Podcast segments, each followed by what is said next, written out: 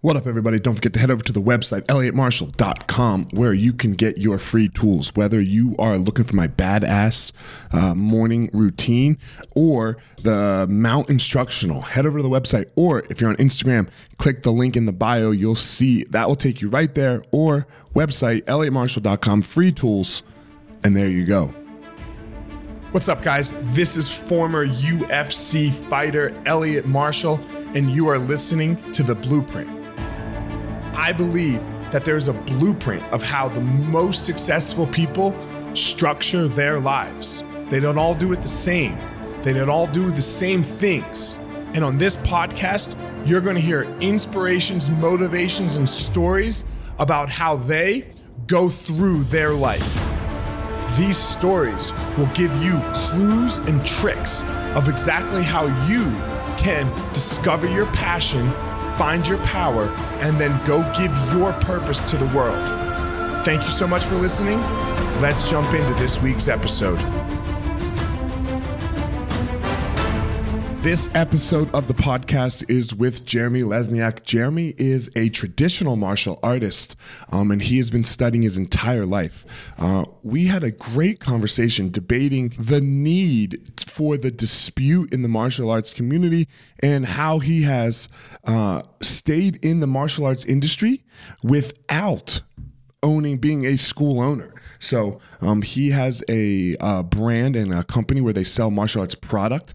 But yeah, so it was a very interesting topic. Uh, the both topics that we discussed, because most people that I talk to are school owners. But um, without further ado, here we go, Jeremy Lesniak. Jeremy, my dude, how are you? I'm great, Elliot. How are you? Man, one bald martial artist to another That's- with a beard and everything, right? That's right. That's right. It's it's almost part of the uniform, right? If you, I'm sure you've been in rooms with lots of martial artists, and you look and you're like, what is it? What is it about all these high ranks that all the guys are shorn? I think it's so. I know what it is for Brazilian Jiu Jitsu. The, like the old school guys in Brazilian Jiu Jitsu, uh, we used to, uh, when, when Jiu Jitsu was first coming to America, uh, we were in the process of like proving its worth, right? So everything was game other than like groin strikes. Like you couldn't groin strike, you couldn't fish hook and stuff like that, right? But if somebody had long hair, it was The grab. not a problem. Okay. So within a couple weeks, everyone had hair at a length that uh, you couldn't that so you couldn't grab it. Because not only did it like prohibit you from doing jujitsu, you know, because they they would grab your hair, but it fucking hurts when you get your hair pulled, No right? doubt. So But I grew up in karate circles, so it, it, you know, we don't have that same argument. It just there's something about guys in martial arts that just we just don't have hair. Look, mine left me, you know, so that, that was not my excuse. No, mine I- left I me at a very young it. age. Yeah.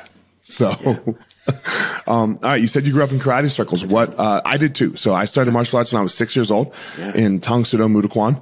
Uh, and then it later switched to like Soo Bahk Do. Uh, so where, where did, you, where was your, uh, beginning entry?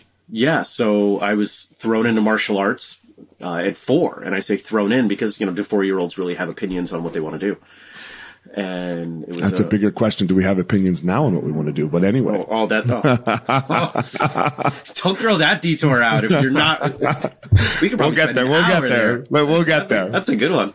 Uh, and I was blessed to grow up with two instructors that were married in two different styles of karate, Kyokushin and Isshinryu, and learned a whole bunch of stuff. And it, they set me on this path of see what else is out there Okay. and go to college and just all these sort of detours, you know, as I picked up new stuff and trained with new people and just kept going.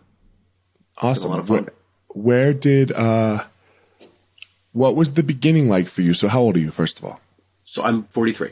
Okay. Uh, I'm about to be I'll be 43. Are you going to are you going to be 44 this year? Are you going to be Yeah, did yeah. you I turned 44 in a couple months. All right. What what month? June. I'm a Gemini. I'm July, so you're about a year right, ahead of me. right. So we grew up in the same in the 80s with martial arts. I started in 1986. You started in three years ahead of me. It sounds like in 83. 83. So, um, it was different then, right? Like was. kara- karate was different Sure. in in the 80s in America. what was was, your rugged. experience? Yeah, it was rugged. it was rugged. Even even as a kid, it was rugged. You know, and not to say that we were not supervised and not to say that it was you know like some child fight club or something mm-hmm, mm-hmm. but the expectations were high the school i grew up in did not offer a junior black belt you know i was 16 when i tested for my black belt and you know i was Oh fuck yeah. That's I mean like look, I got a black belt, but you shouldn't I shouldn't have. But go ahead. well it, diff, you know and that, that's another topic we could get into you know I have, Yeah. I have philosophies on on what that means but the I don't talk about specifically what was in the test, other than there is this one anecdote whenever anybody's, oh, well, you know, did you earn it? There was a 350 pound man who literally picked me up and hurled me across the room. And, you know, that, that gives you an idea. You know, at 16, this is what I was experiencing. Um, you know, but again, it's not like it just came out of nowhere. This was meant to be a test. And so everything leading up to that, you know, it was it was difficult for I had to hold a horse stance for an hour at eight for my blue belt. You know, like these were these were difficult experiences. And when I look back, I'm really thankful. Not because I'm I'm comparing my experience in martial arts to anybody else's, but because I get to look back on that and say, well, I made it through this. If I could do that, I can do this. If I could do that, I could definitely do this. And it's become a signpost for me in life. And when I hit difficult times, I can reflect and it gives me some context. That's what difficult experiences are for, right? They're they're not for the actual like in the moment experience. That sucks. Right. Type Right. two fun, some people call it. Yeah. What what do you, I'm sorry? Type two fun. Okay. Yeah, okay. Yes. right? Like I'm glad I went through that. I'm smiling. I, I I enjoyed the experience, not in the moment, but where it led me to.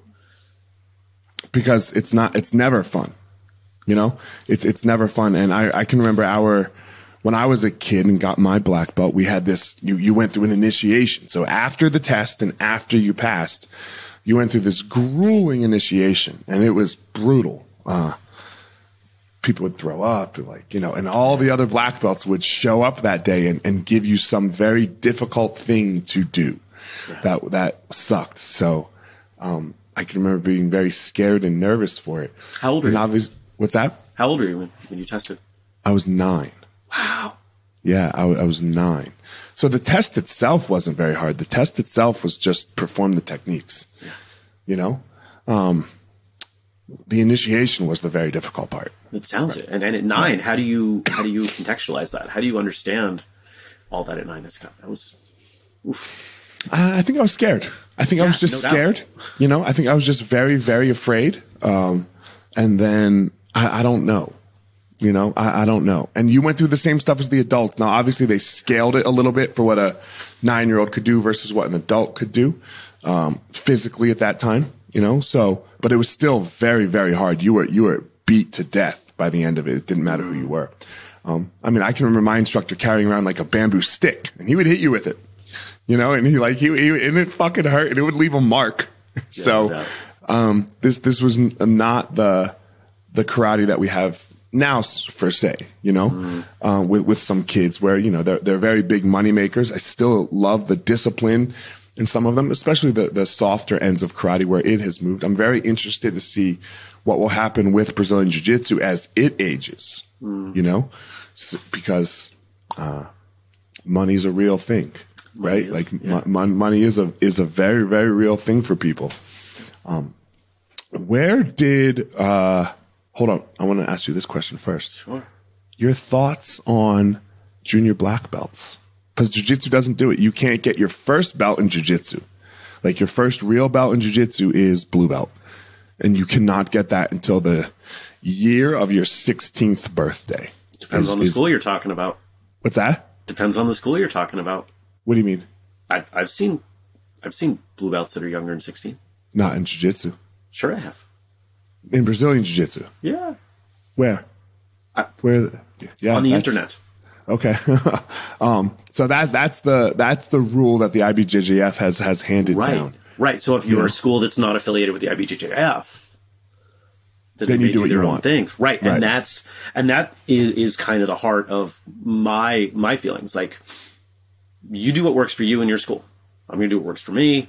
I encourage other people to do what works for them. It's not apples to apples. right? Every school is different. Every school's curriculum is different. The expectations are different. The reasons people train is different. And I think one of the worst things that we have done in the martial arts community is invest so much time tearing down what other people do. For example, you shouldn't be a black belt. Why not?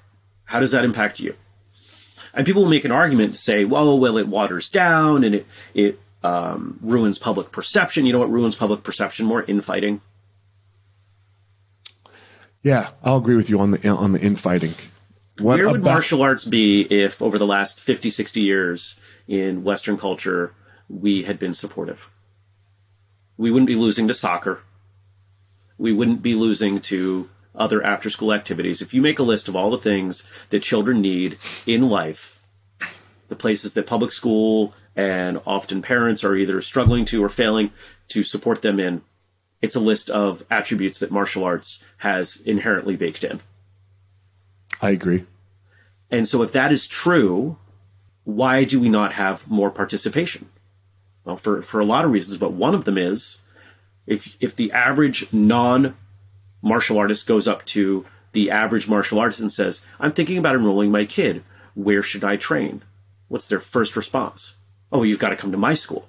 Before they even ask them questions about why they want tr- their kid to train or what times they have available or where they live there's still that ego forward presentation of my school is best and if you go somewhere else you're making a mistake. And guess what? People don't like to make mistakes. People would rather make no choice than choose wrong. And this is a situation that we as a broader martial arts culture have instilled on the rest of the world I'm going to push back just for pushing back sake. Go for it. Go yeah, yeah, just for pushing back sake. I can't even say I disagree with you, but but I I, I love the discussion here.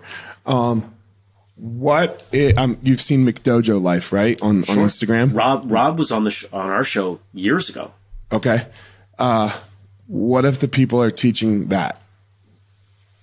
So what? Like, put that's not good who gets to decide what okay hold on good? hold on. Here i'll go a better one. I'll go even okay. closer. I'll go closer okay? okay, i have a friend. Uh, he's my friend. I love him. Uh, i'm no longer talking shit to him because it's not healthy for me for example okay? But some of the shit that he shows is disingenuous. Sure. Like it, it could actually get people hurt and they think they're learning self defense, for example. So, and I push back on that. Uh, we actually we did a whole episode on this. What is the thing that prevents most fights?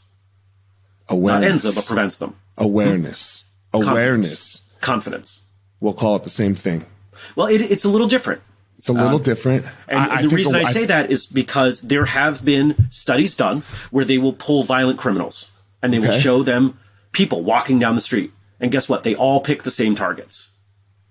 I see what you're saying. Okay. It's the way that they show up. So, would I rather someone have no training or terrible training that gives them confidence? I'll pick the terrible training that gives them confidence because it's actually less likely they're going to get into an altercation because they have that confidence. Now, is it false confidence? Sure. but but why I'm do say I that that's the lowest hanging fruit, right? Like, like, so you have confidence, but you could still end up in a situation where we, where, for example, you do have a choice to show real stuff that works. Sure. Like, but so it's, it becomes a, a slippery slope because who gets to decide?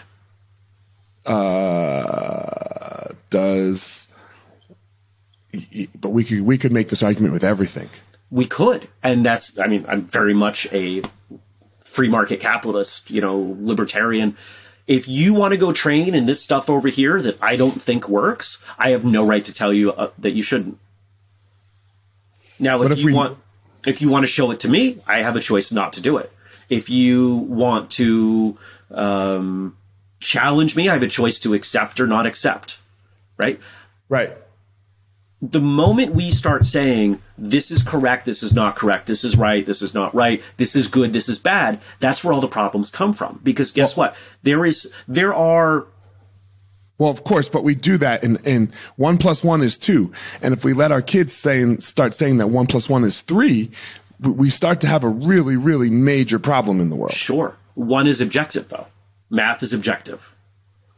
What is Okay. a good or a bad? What is a worthwhile or non-worthwhile? Right, I'll give you an example. Hold on, hold on, hold on. No, there's some things that aren't fucking subjective, bro. Okay. Getting front choked on a wall like this by a by an attacker, Okay. sliding your ass down the wall is subjectively and objectively wrong. You will As a get- response to that attack? as a response to that Sure. attack. Yeah, of course, right? Sure. You and I, you don't do, you are not a Brazilian Jiu-Jitsu black belt, correct? Correct. Okay, I am. We both know that that shit ain't gonna fucking work. Right. Don't teach that. Okay. I will agree with you. Okay, And, I, and you. most and I think most people would agree with you. So how do you in, how do you quote enforce that though? In order, Very in order- hard. Yeah, it's, It's very hard. impossible. It's impossible. It is impossible, impossible. and it is a waste of time. I agree with you. That's why I stopped talking shit to my friends. Show show many and, and and so this is pretty much one of like two arguments that I have on the internet with people. You know, most of them I just ignore, but one of them is about what is a black belt, and the other is what is worthwhile training, because everybody trains for different reasons, right? Some people really care about the self defense. I've known plenty of people who don't. Sure. They train for camaraderie and, Mm-hmm. and movement and exercise and whatever. Right? A whole host of things. Right. So let's say most people would say, okay, so if there was this uh, objective standard, this board, this governance, and they have this in some countries where we say, okay, you know, this is, you know, if you're going to teach, you've got to come through this this program. We have to validate you. We have to verify your curriculum, things like that. Okay, great. But we don't have that here. And if we were to construct that, um, I don't think it's a secret that there's a lot of politics in martial arts. Guess what? There are plenty of people out there who, even within the BJJ community, have shown that governance doesn't always work well. I bet if you're a BJJ black belt, you know someone that, in your opinion, received their rank far too soon, and someone else who has been pushed course, around. yeah, of course, of and course. deserved their black belt ten years ago. Of course. Right. Yes. that right there to me is proof that there is no perfect system. And so I if there is no perfect system, then I would rather people just go and do their own thing because I think modeling better behavior changes a marketplace, in this case a martial arts landscape, more than the critical side of things. And you're saying that then if you um, I'm going to combine your politics a little bit here. Sure. As a free market capitalist, the market will determine who stays in business and who does not stay in business. But what if the and I'm still just arguing here. Yeah.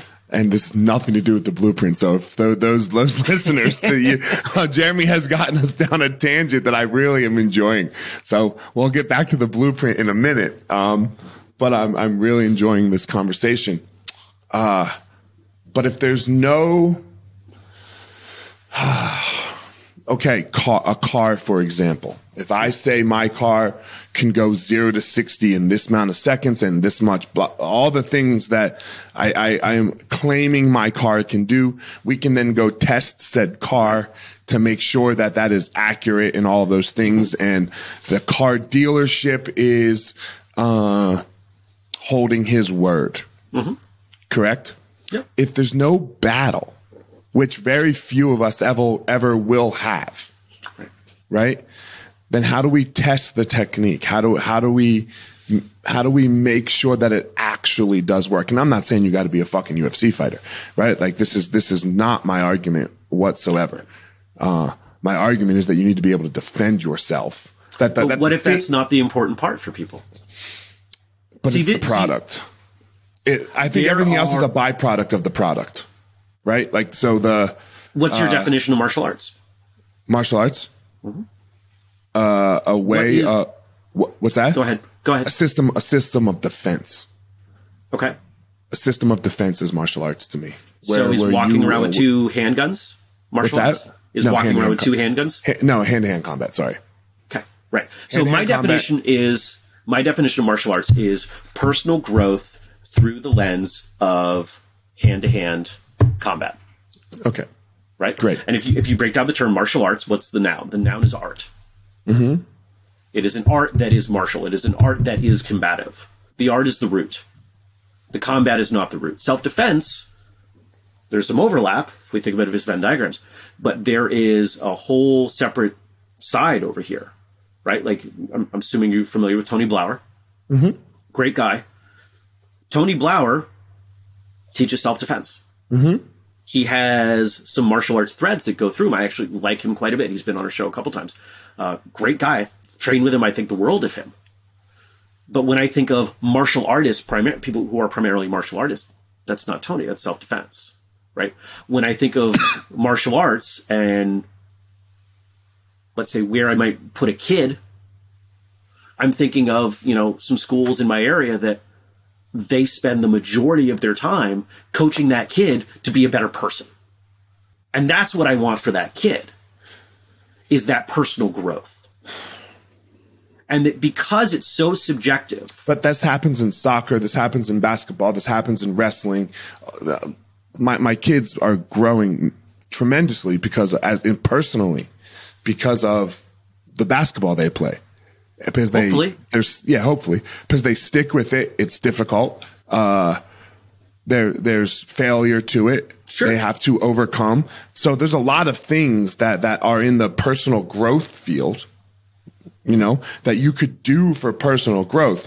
What differentiates the martial art is the self-defense aspect is the beat your ass aspect because there's a lot of things that have community, right? There's a lot of things that have culture. There's a lot of things that we're all, but, but when you say I'm going to go learn to be a martial artist, uh, there, there's a learn how to fucking fight aspect to that.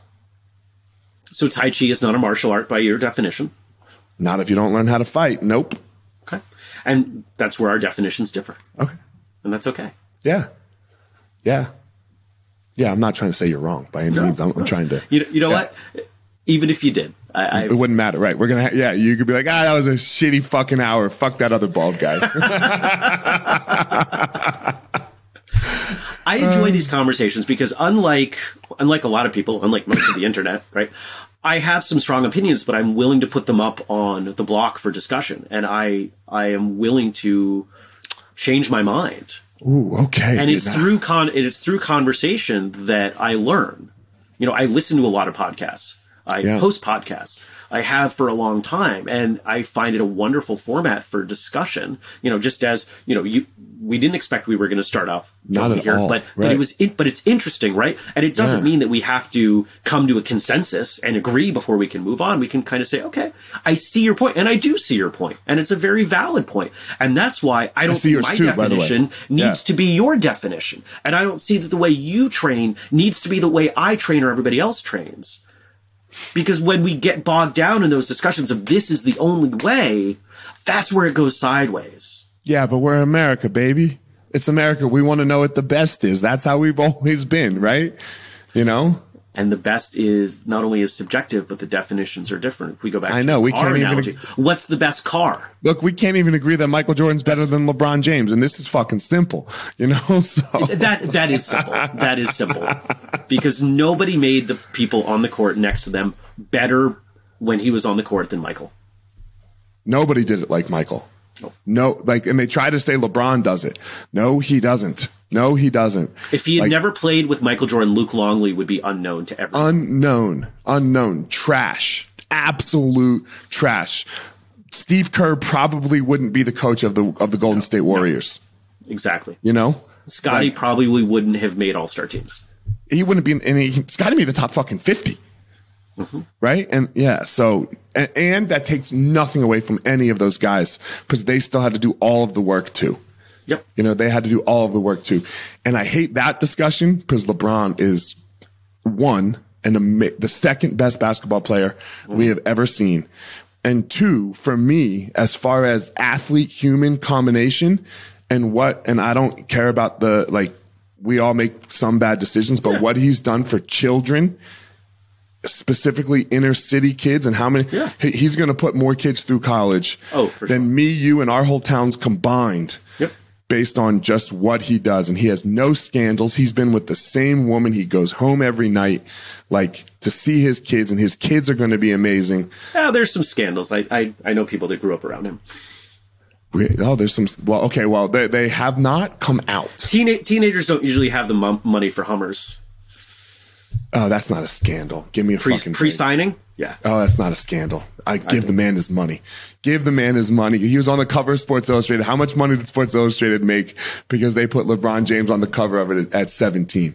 So, I mean, scandals in like, uh, you know, Tiger Woods. Sure. Uh, yeah, of course. I mean, look, the China thing is a scandal. So people, people get mad about the China thing. I'm not saying, uh, disagreements, but I'm saying scandals in like, yo, he's a fucked up person.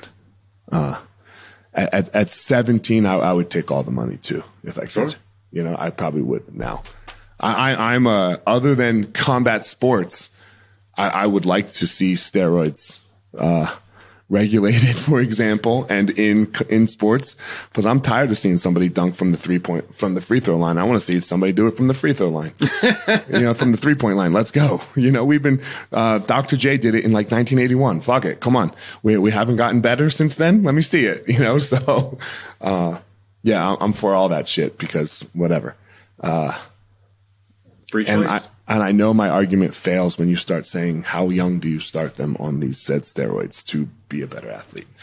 So um, anyway, back to you. You said something a second ago where where you said you uh, are willing to quote unquote battle test your uh, battle test your ideas. yeah. You know, where did this start to come for you? Where, like, at, at what age did this, uh, in in your life, where you're like, oh, I want to see what's up there, and like really go, really go dive in, and and I think the the the key with battle test, and every everyone likes to think they battle test their ideas, but it was the next thing that you said. You're willing to change your mind Yeah. because that's real battle testing, right? That because like you go, you acquire data, like you battle test, you look at results, you acquire the data, you come back and, and adapt and improve. it's the martial arts philosophy applied Right. to conversation, right? Right. You know, theoretically, we should be getting better through experimentation. And some of that experimentation in terms of conversation is having discussions, having chats with people about this, that, or the other. And once in a while, you get someone, you know, like yourself, where, you know, I get to have a conversation uh, with someone who is intelligent, they're articulate, they actually listen to what I'm saying and respond as opposed to going, but, but, but, but, right? They're just looking, it's like they're playing double dutch, waiting for the break in my words to step on them and, and, and, Or they have a list of questions right here. verbally that they- assault. They have a list of questions that they like. They they answer. They ask you a question, you answer. They look down at their next and ask you the next one. Those are my favorite conversations. But anyway, go ahead. That's how I started as an interviewer. Yeah, but you got better. You battle tested, did. motherfucker. I did. I absolutely did. So I, I think it came in from a few things. You know, uh, one of them was martial arts, and this mm-hmm. I was very blessed that the school I grew up in. You know, I told you it was it was a husband and wife, and if somebody came to visit the school, unless they were like you know, brand new to what they'd been doing elsewhere, you know, I lived in in rural Maine, so we had a lot of vacationers.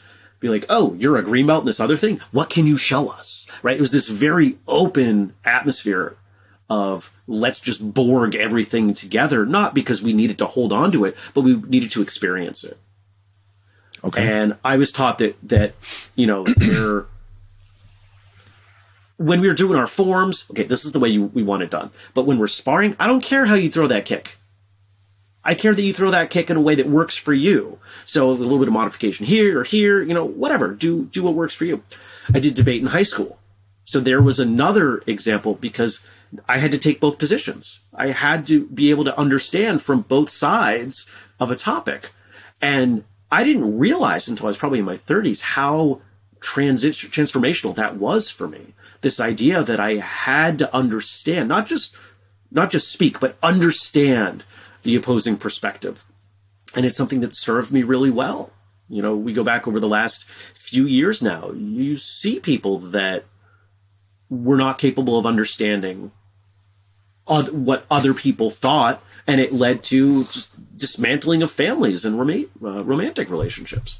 and every and everything in between from Yeah. from there to yes. I mean, Because we- if you can't carve out the space to say, you know what, I see your p- opinion, I understand how you got there. Let's let's agree to disagree. I think this is one of the biggest problems that we've got going on. Completely you know, agree. especially with our leaders and our politicians. Uh, you know, going back there, for example, I, I swear to God that if all the Democrats came out right now and said they were pro life, that uh, the Republicans would switch to pro choice. Like, like I, I am. They, would fi- I think they'd find a way Yeah. to move there. Yeah, yeah. Oh, look, it wouldn't it wouldn't be like okay, no, flip. Like they they'd be very smart in how they Sure. did it, you know. Sure. But I, but I would I would beg to bet that within couple of years, couple of months, whatever it, whatever that that that everyone's platform would switch, just because you know, just to Well, fight. you know, I, I if you look at if I'm remembering my timeline correctly, I don't I don't usually publicly discuss politics, but um, Obama's first term, gay marriage was very unpopular. Mm-hmm. By the time he ran for his second term, everybody was for it. Mm-hmm. Four years. But gay marriage that's is unpopular with everyone. That's, and that's my point. In four Okay, years, yeah. it changed for everyone. Yeah. Because as it started to change with some prominent people talking about it, now everybody needed to get with it. And if you look, um, if I remember correctly, survey data showed that it correlated. Right? It was what did what did people think? Yeah. Yeah, yeah, he was he was against it when when he in in 08, you know, and then he's the one who passed. Uh, was it? Yeah, it was the end of his term, right? When it passed. I think so. Yeah, yeah. So, um, that's. I guess that's not. Is that the example we're using? Because that's kind of everyone shifting. Like even most uh, non-political Republican, non non-politician Republicans, Sure. agree. I, I, I'm- I, uh, I I think times change for for sure. And, and that's and that's my point is that it can Okay. shift that quickly. Yes. You know, I understand Oh, what you're saying. Sorry. You're talking Yeah, yeah. You're, talk, you're talking about the the polarity being Yes. maintained. I'm talking about the speed at which that can shift. Yeah, and, and I think that's good if if, if it's obvious, you know. Uh, I think that's good, and and things should be, again, always tested. You know, always tested. We need to be uh, walking into the arena. Uh, that's why I have the arena quote behind me because it reminds me. You know, uh, walking into the arena of of our lives to see if this is skillful or unskillful, and then moving from there. You know, I think the part that a lot of us are missing is the moving from there piece. We get very bogged down in our uh, opinions, ideas, like um, polarizations. You know, uh, even me, for example, I, I will I will admit, uh, I was like, ah, he does karate. Do I want to talk to him? You know, because and I will agree in the Brazilian Jiu Jitsu world, uh, karate is just absolute bullshit, right? Like for for most of us, once the once the mid once the UFC came along, uh, and we went through this, and then in the early late '90s, early 2000s, uh, we were dojo storming, and like the way that we taught intro classes in the Brazilian Jiu Jitsu community was we fucking fought. You know, like everyone who came in for an intro class, I can remember being the kid sitting on, you know, the 19 year old, 20 year old kid sitting on the wall, waiting for them to learn their, you know, little intro classes, how to tap and mount and yada, yada. And then be like, okay, it's going to be my turn to fight. Let's fucking, all right, let's go. You know, like I can remember this. This is how we did it, uh, to, you know, quote unquote, prove superiority. Uh, so yeah, that that you know. So even when I was looking at my list, and I was like, no, I'm gonna talk to him. You know, I, I want to hear his opinion. So, but but it but I won't admit it wasn't a thought of mine. So, and I think it's important to what you said. Uh, try to change your opinions. You know, and you might have changed mine a little bit. You've, you've made me shift a little bit. I'll, I'll give you that. Um, and if and there's nothing perfect. It doesn't matter. Yeah. You know, if there was a perfect quote perfect martial art, it's the only one that would exist.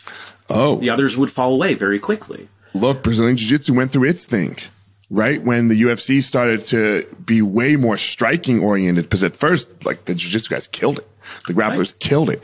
And then it was like, oh shit, Jiu Jitsu doesn't work. So then we were like, oh yes, it does. And oh yeah, for a hundred percent. It, it's gone. It's gone in waves, right? goes in It's- waves. There's a Yes. constant evolution to have a skill set and a, re- a refinement of a skill set that others are less prepared to deal with. Yeah. Yeah. right? And and this is where you know um, the simplistic arguments. Uh, you cannot. There is no simple solution to a complex problem. And if we talk about a complex problem as what is the best martial art or how do you win in the UFC, you can't say just. Anytime somebody's solution starts with the word just, I know it's going to be bullshit. Because there is no, oh, you just do this. Just learn BJJ. Uh, uh, okay. So the best person in the best BJJ practitioner wins all of their pro yeah, no. MMA fights. No. No. Okay. Well, um, you know, all you have to do is punch them in the face. Okay. So the best striker wins all of their fights right? Well, every fight goes to the ground. No, not every fight goes to the ground. Well, just take it to the ground. Pavement hurts on your back, right? Like there's a lot of detail in there. And the best of anything is a balance. You know, I've always encouraged people cross train, train in a bunch of different stuff. I've done BJJ, I've done judo, I've done a whole bunch of things. I've been training for a long time and I enjoy it. I enjoy that variety. When did you but shift? I'm also not to be. I'm not training to be in the ring. So right, my yeah. why dictates my, how I train. For sure. Yes, and that's important. I, I, I agree with you. Um, when did you move to the business of martial arts a little bit, right? Because it's what you do for a living. So, yeah. what, what, was that shift like from just being like a practitioner to uh, this is how I want to make my living? Yeah. Uh, so, right about it's about 2010, maybe even few years earlier. Um, you probably remember the foam sparring gear that you grew up with. Mm-hmm. You said you did Tang Soo. Yeah, so. it sucked. It did, and you know it. It continued to suck. In fact, it got worse. And finally, like 2007, 2008, 2009, I'd come home from Taekwondo, and I'd have a beer, and I'd sit on the internet. It's like there's got to be somebody else making better stuff out there because I had the same experience that everybody had. Like I'd go buy new sparring gear and it's exciting because it's new and it's shiny, and then within six months it's fallen apart. It's like this. Everything gets better. Why is this getting worse? It didn't make sense to me. So fast forward through some timeline, ended up coming up with my own designs, factory, got some money, and we launched a sparring gear line. And after a couple years of that, I was like, wait a second nobody knows who we are. I'm going to events, I'm buying ads, and martial arts has always been really fractured. You know, the BJJ folks, you know, I mean, one, they wouldn't need the gear, but uh, trying to reach Taekwondo people and karate people and Tang Soo Do people, you know, that's it's three different camps. And I never really liked that, but it was the reality. And that's where the podcast came in. And the podcast, I'd say, is we actually celebrated our 800th episode last night. The podcast is really where the company made a massive transition from me slinging sparring gear to now we have this whole ecosystem of events and products and apparel and training programs and content. And so the business side of it really it wasn't intentional. I just wanted better sparring gear. But uh, I, have joked that someday if I write an autobiography, it'll probably be titled "Fuck It, I'll Do It Myself." and that's what. Fine, I'll just I'll make this myself. And then let's see what happens. And let's see what happens. Yeah, that's really cool. So you don't? Uh, did you have you ever owned your own school? I did briefly. Okay. Uh, out of college, I was starting an IT company, and I had my own school for a couple years, and shut it down because at the end of a long day growing an IT company, I would go to class and I loved teaching and I loved my students. And I noticed that the, my energy level just, it was getting worse and worse. And I said, you know, these guys are all really loyal to me, but I'm not going to hold on to them. Bizarrely, we had this town of 5,000 and we had three martial arts schools. That's so I said, you know, they number. can, yeah. they can go train at one of these other places. And so I shut it down. I said, you know, I, I can't give you 100%. I don't even feel like I'm giving you 50% most days, and you deserve better than that. Yeah, I mean, what a great realization because owning your own martial arts school, like there's this thing that you personally, I, I think there's three things with owning your own martial arts school. There's you personally being good at, jiu- at, at excuse not jiu at the martial art you're teaching. Sure. You know, uh, you personally being a good teacher, and those two things do not correlate being good at the martial art and being good at teaching the martial art. And I think that's the biggest correlation that most um, not so well run martial arts school owners make is they're like, oh, I'm good at it, therefore I will teach it well, uh, so that others can digest it who think differently than me, move differently than me, different bodies than me. Um, and then I think the third one is business, right? You have to be able to understand Yeah. Business well, and, and if you and none of those three things, not, not one, one does not lead to the other, at No. even a little bit. No. Um, and it, it's it's funny you bring up those those things because it's the the two that most martial arts school owners struggle with the teaching and the business side. That's one of the things that we're doing as a brand. You know, we're we're never going to tell somebody this is how you should kick. This is no that, that you're doing that form wrong. You know, you should you should add this style to your to your offerings. You know, that's that's a deeply personal decision. Mm-hmm. But the fundamentals of how to teach, those are fairly universal, whether we're talking Yes. about martial arts or something else. The fundamentals of business, whether it's martial arts or selling, you know, eggs on the side of the road, they're fairly universal.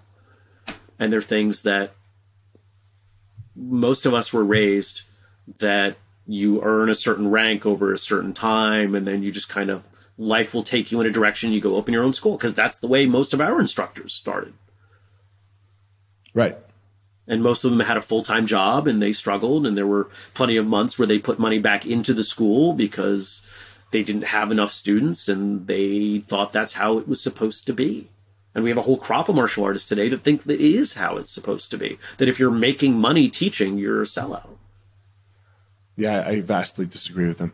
Uh, I- I as yeah. well. Uh, if you have something that is of value and i think there's there are a few things in life more valuable than martial arts training I will agree with you. it's something that people should have the opportunity to do and if they don't know about it or if you're not there they don't have the opportunity and that's Uh, I mean, I go all the way to the other end. I think you're doing a disservice uh, if you cannot create careers for other people in martial arts. Like that, that's what that's our one of our major goals with our academies is uh, the career aspect. Like I, we don't want to just like uh, look. I'm, I'm sitting here talking to you on a podcast. Uh, and I'm sure there's some classes going on at one of the schools uh, that, that I am not teaching. And I'm sure the GMs are probably in a meeting here. It's almost nine o'clock where I am. So someone's about to have a meeting, uh, or if they haven't had one already, uh, of people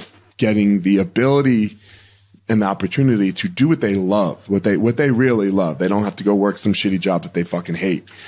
Um, and they love martial arts because I love martial arts, and I don't think I've ever been good at anything uh, the way I've been good at martial arts, and I've been lucky enough to do that for my life, and then try to give that gift and opportunity to anyone else who wants to do it. You know, anyone else who wants to do it, which I think, I think it's almost a disservice not to make money, because if you, it's a good product. You know, it's, it's it's an amazing product, martial arts. Like I think you and I both uh, w- wouldn't even try to disagree on that one. So if it's an amazing product, you're doing a disservice if you're not providing it at its best level. Money creates opportunities. Yes. right? If, if you're if you're charging adequately uh, the the argument that i have people push throw at me is well you know i don't want to charge more than people can afford. You mean you don't want to charge more than that one person can afford? Okay fine scholarship them.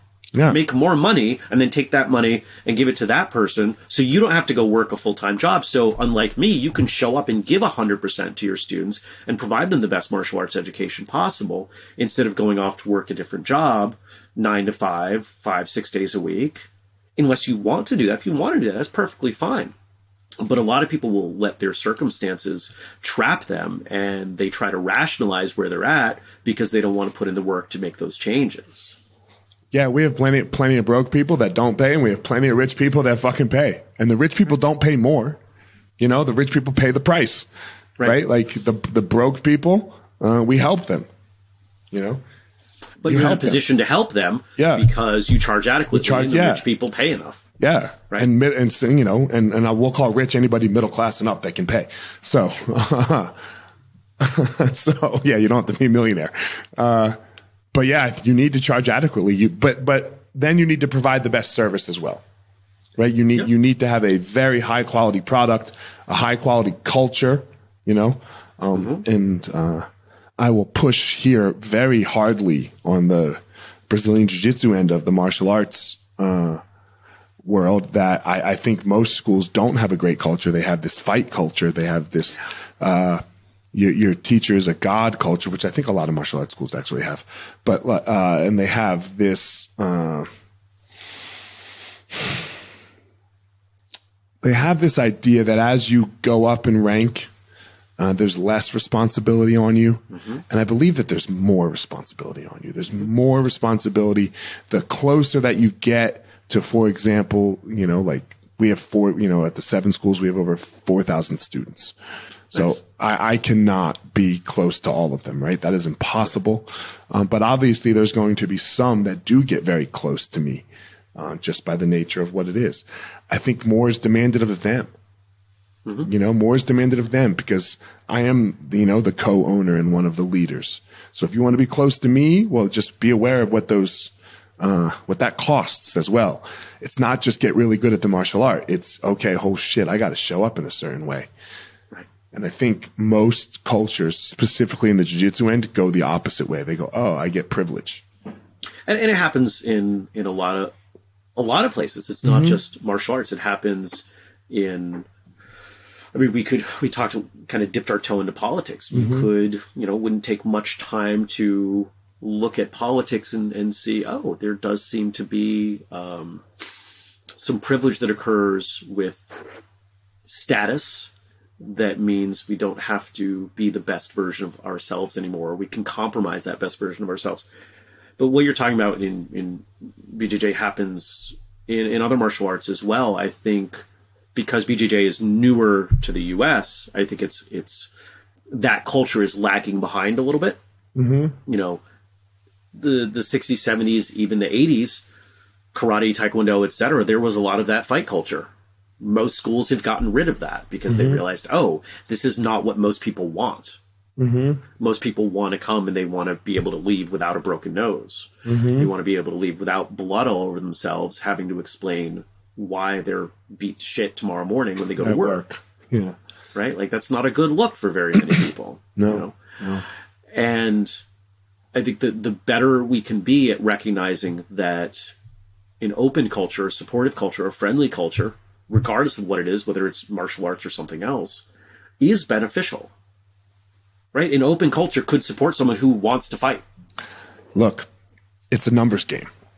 Mm-hmm. Right? If you limit the amount of people that walk in the door, you are limiting the amount of people that could possibly, you know, quote unquote, as a, your jujitsu teachers all want, most of them still these days, to be a champion.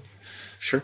Uh, so, uh, yeah, it's, it's literally a numbers game. If you have more students, you have a way more likelihood of creating a champion out of, let's say, a thousand students that you might have versus a mm-hmm. hundred students that you might have.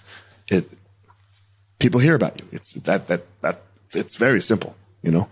Um, now, look, they all thousand of your students can't be training to be a champion because they don't fucking want that. You, have right. got to then limit. You've got to be able to have scales for uh, everyone as they as they move through. But you know, this, this train a champion thing is still a, a very big deal in, in, in the Brazilian Jiu Jitsu circles. And look, I love it too. I can't even fault them. I fucking love it. It's one of my favorite things. So, um, couple questions here as we end, sure. Jeremy. Ah. Uh, this one's pretty simple, you know, just because you and I have this bald martial arts connect. Um, but I tend to ask people, uh, and not to toot my horn personally or anything like that. But like this probably won't really do much for your brand or anything like that, right? Like I, I'm not Joe Rogan, you know, another bald martial artist. Uh, where if you got on his podcast, like you know, maybe your brand blows up uh, because of the exposure that it would get. Like mine's very small. Uh, relatively to his or any other big podcast. All of our shows are small compared to his. Right. I mean, look, mine's small to a medium large podcast, right? As most of ours are. Um, yeah. Why take the time when you could, you know, work on your podcast or do a host of other things that would bring you a, a bigger ROI than sitting here talking to me discussing, you know, who should get a black belt? Because the, the all, you know, let, us unpack that term ROI. Yeah. What am I investing? I'm investing time. I'm having an enjoyable conversation right there. I've made a connection with someone that I think, you know what? We could probably be friends. There's a return. Yeah. I will I will be inviting you to come on our show. Great. There's Yeah. a return. Right.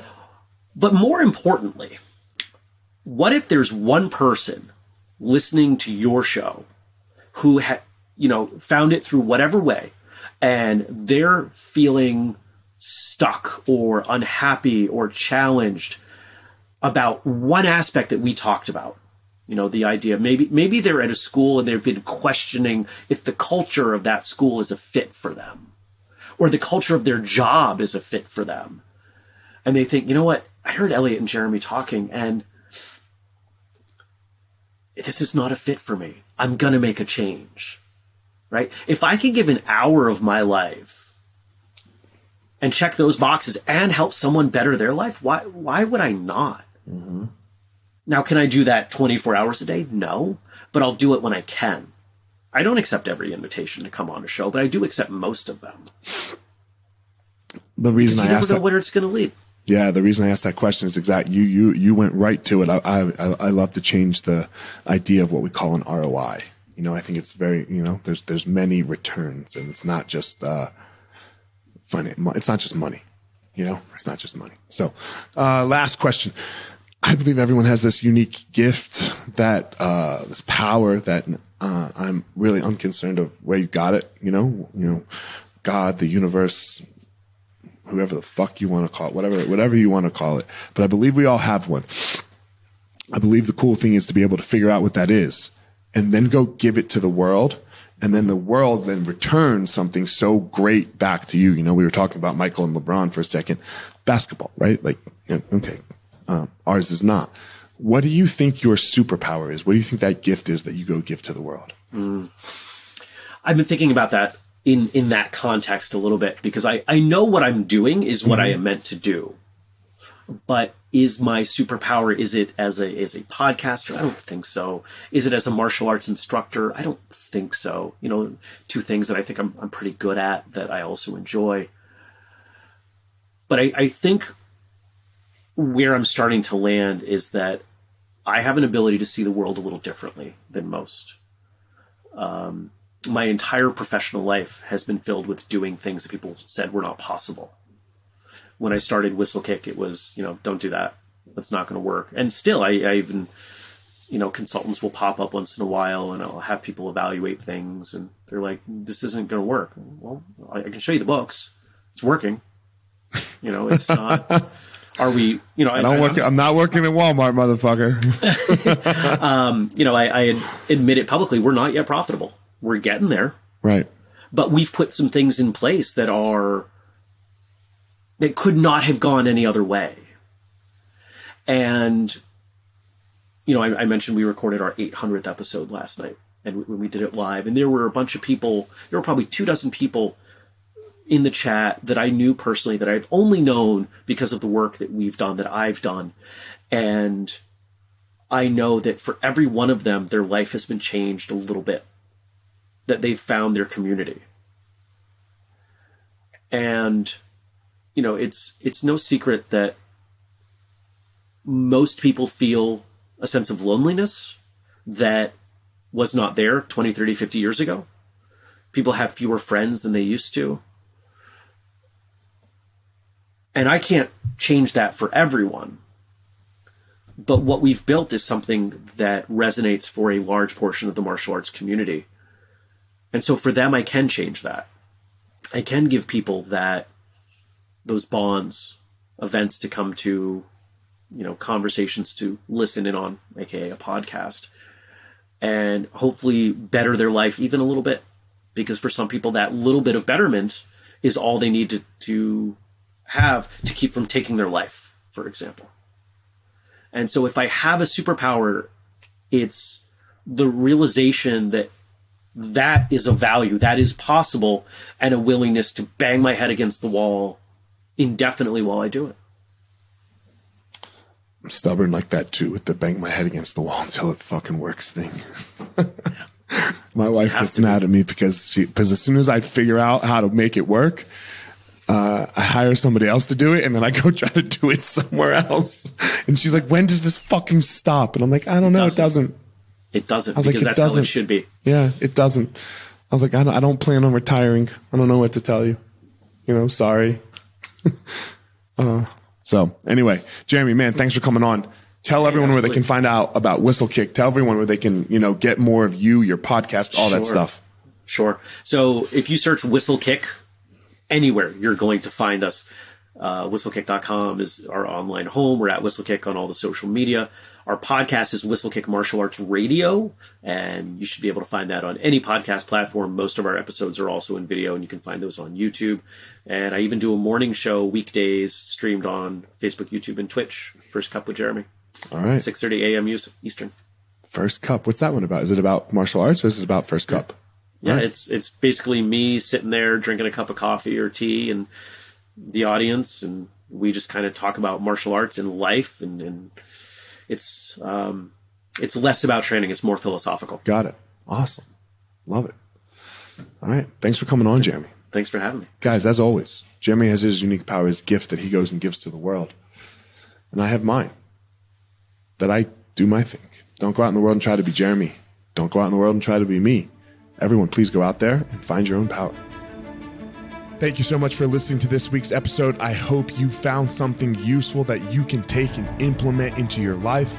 Don't forget to head over to wherever you are listening to this podcast and leave a review. That would be greatly appreciated. Also, go follow me on social media at FireMarshal205 on Instagram leave a comment, anything that you would like there. And as always, if you think this would be useful for somebody else that you know for their life, send it their way. That would be greatly appreciated. That's it for this episode, guys. I hope you all have a great day and you go step into that power so that you can give your purpose to the world.